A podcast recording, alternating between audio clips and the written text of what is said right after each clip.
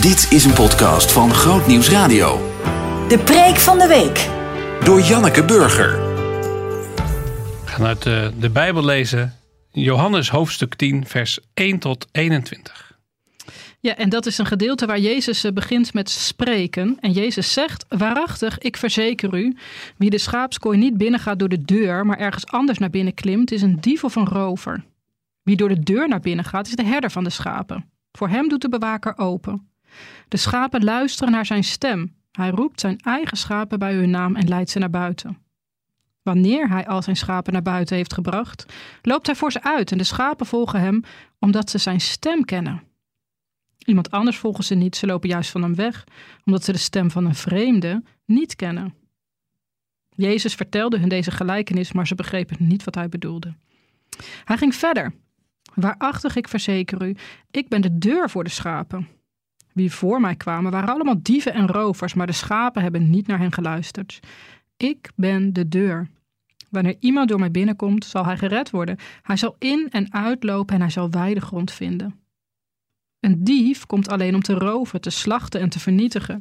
Maar ik ben gekomen om hun het leven te geven in al zijn volheid.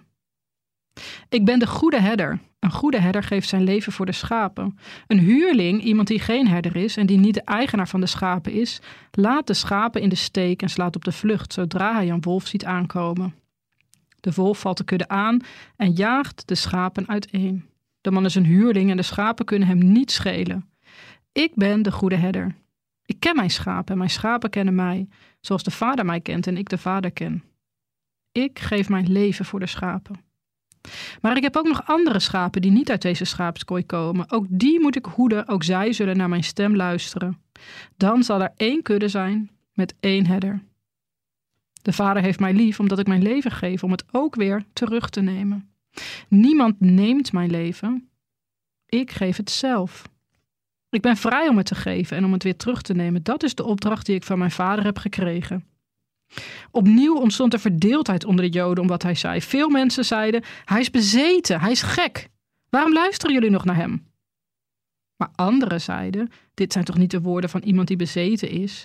En een demon kan de ogen van blinden zeker niet openen.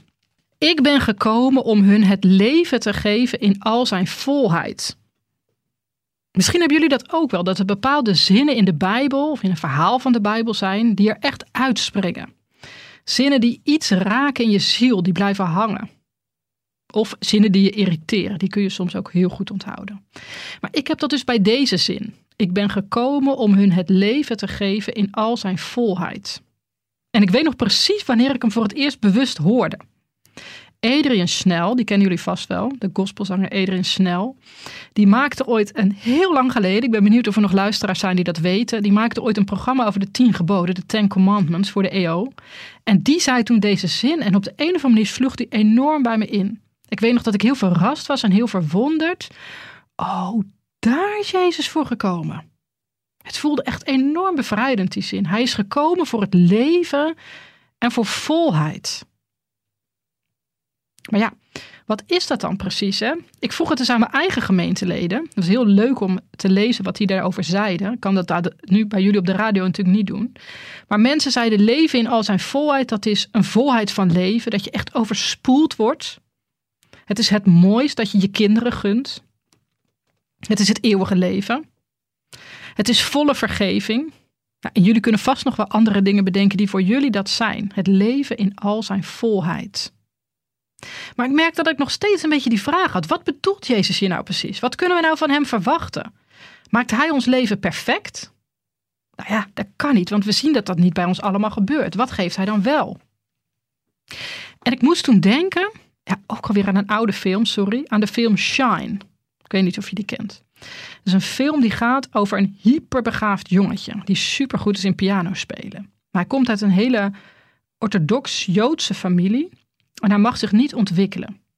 Nou, dan ontsnapt hij als tiener aan zijn familie en gaat toch zijn talenten ontwikkelen. Hij is echt geniaal in piano spelen en speelt echt de meest prachtige stukken. Maar dan gaat het mis. Dat geniale hoofd, dat slaat volstrekt op hol. Hij wordt echt ja, ja, knettergek. Dat klinkt heel akelig om te zeggen, maar dat is wel wat je in die film ziet gebeuren. En dat is echt gebeurd. Het is een waar gebeurd verhaal. Het is afschuwelijk om te zien in die film. Maar dan aan het eind van de film komt er een soort keerpunt als hij een therapeut ontmoet. Een heel warme vrouw. En die worden gewoon verliefd. Heel gaaf. En die man, die pianist, is nog steeds behoorlijk in de war. Maar deze mensen houden van elkaar. En je voelt opeens de lach weer terugkomen in de film. Aan het eind zit die man in een barretje met een sigaretje in zijn mond en muziek te spelen. Een beetje verward nog. Maar wel echt prachtig. Heel mooi einde van de film. Ik heb deze film twee keer gezien en elke keer huil ik tranen met tuiten. Werkelijk waar. En waarom? Ja, volgens mij dus omdat deze film uiteindelijk over volheid van leven gaat. Niet om perfectie, maar wel om het leven in al zijn volheid. Liefde, muziek, aanvaarding, vreugde. En ik denk dat Jezus dat bedoelt als hij zegt dat hij ons als een goede herder het leven in al zijn volheid wil geven. Straks geeft hij ons perfectie, daar zijn we naar op weg, maar ook nu al wil hij ons die volheid geven. En volgens mij is dat ook wat het beeld van de herder betekent. We denken bij een herder misschien wel, of we denken bij geloven misschien wel aan een eindpunt, zoals het in Psalm 23 staat, hè, die groene weide en het rustige water. De perfectie van het eeuwige leven waar we naar op weg zijn. Wat geweldig dat Jezus ons dat wil geven. Een prachtige belofte om naar uit te kijken.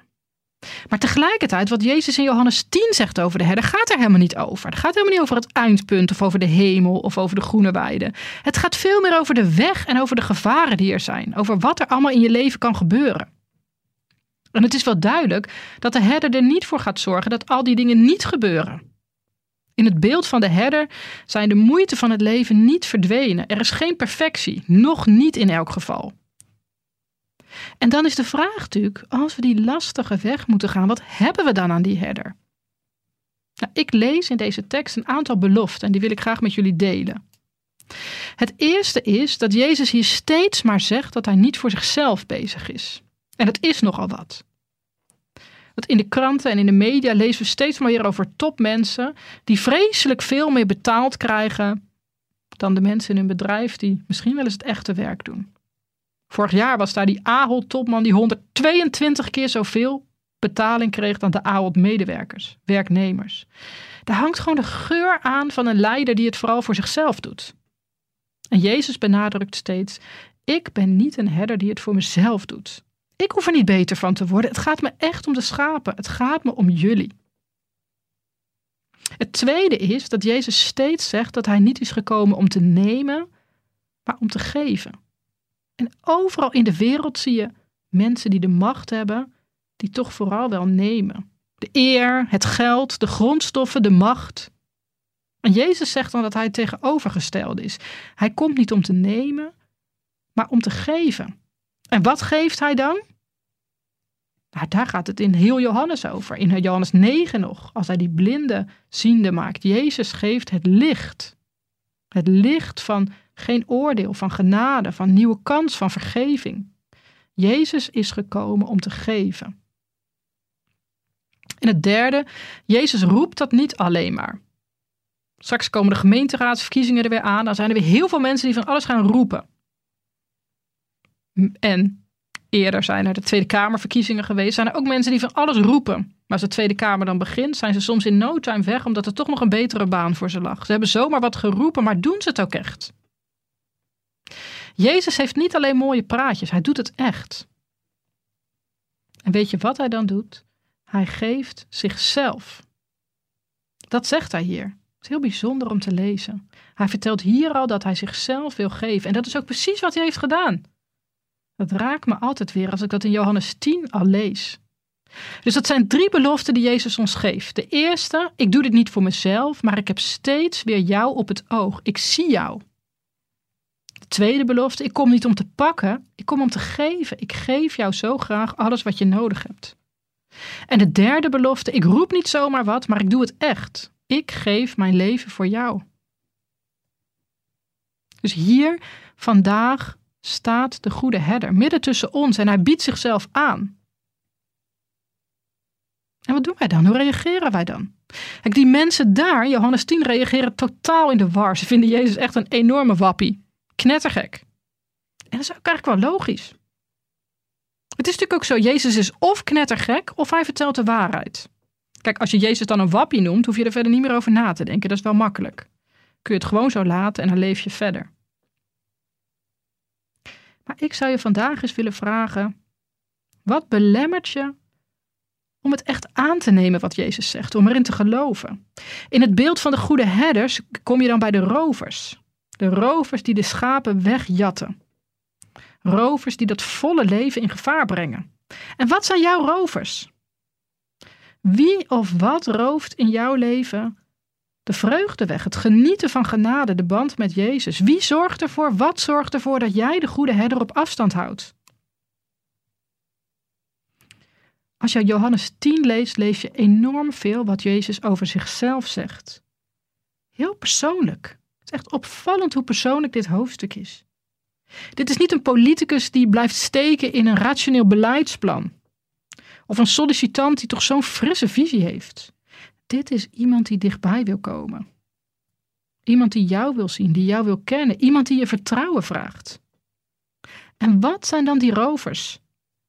Ik denk dat dat wel heel vaak, ik hoor dat vaak terug bij mensen, dat de rovers, dat dat teleurstellingen zijn. Teleurstellingen in je leven roven altijd weer de vreugde weg. Teleurstellingen zorgen voor bitterheid, waardoor je niet zo makkelijk meer ontvangt. Waardoor je een muur op je hart bouwt, zodat je niet weer gekwetst kunt worden. Waardoor je misschien allerlei argumenten kunt bedenken om Jezus niet toe te laten en niet echt naar hem toe te gaan. Ja, ik hoopte dat hij mijn leven makkelijk zou maken, maar dat doet hij natuurlijk niet. Waarom is dit gebeurd, God? Ik kan u niet vertrouwen.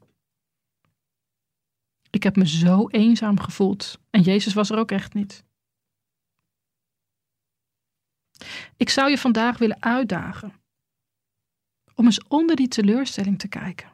Onder die zinnetjes die je altijd weer zegt. Want onder je teleurstelling zit natuurlijk een verlangen. Misschien niet eens het verlangen dat het perfect is. We weten heel goed dat dit leven niet perfect is. Maar ik denk dat er wel altijd een verlangen onder zit om niet alleen te zijn. Om gezien te worden en getroost. En dan hoor je vandaag deze belofte van de Heer Jezus. Dat Hij je ziet. Dat Hij je wil geven wat je hart ten diepste nodig heeft. Dat Hij zichzelf daarvoor wil opofferen. En mag ik je dan uitdagen om deze week daar eens naar te luisteren, naar de stem van de goede herder. Neem dit Bijbelgedeelte deze week eens mee. Misschien kun je het elke dag even lezen. Of misschien kun je een woord of een zin opschrijven wat je raakt en plak het dan gewoon op je badkamerspiegel. Wat raakt jouw verlangen in dit hoofdstuk? En het mooiste van dit verhaal over de herder is natuurlijk zijn stem. Hè? Vind ik dat zo mooi dat die schapen zijn stem herkennen en dat dat de ultieme veiligheid voor hen is. En ik wil je uitnodigen om niet alleen vandaag, als je de radio hebt aangezet, deze stem van Jezus te horen, maar ook deze week.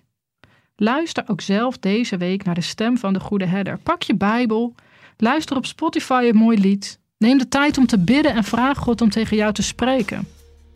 Vraag de goede herder om zijn stem te laten horen.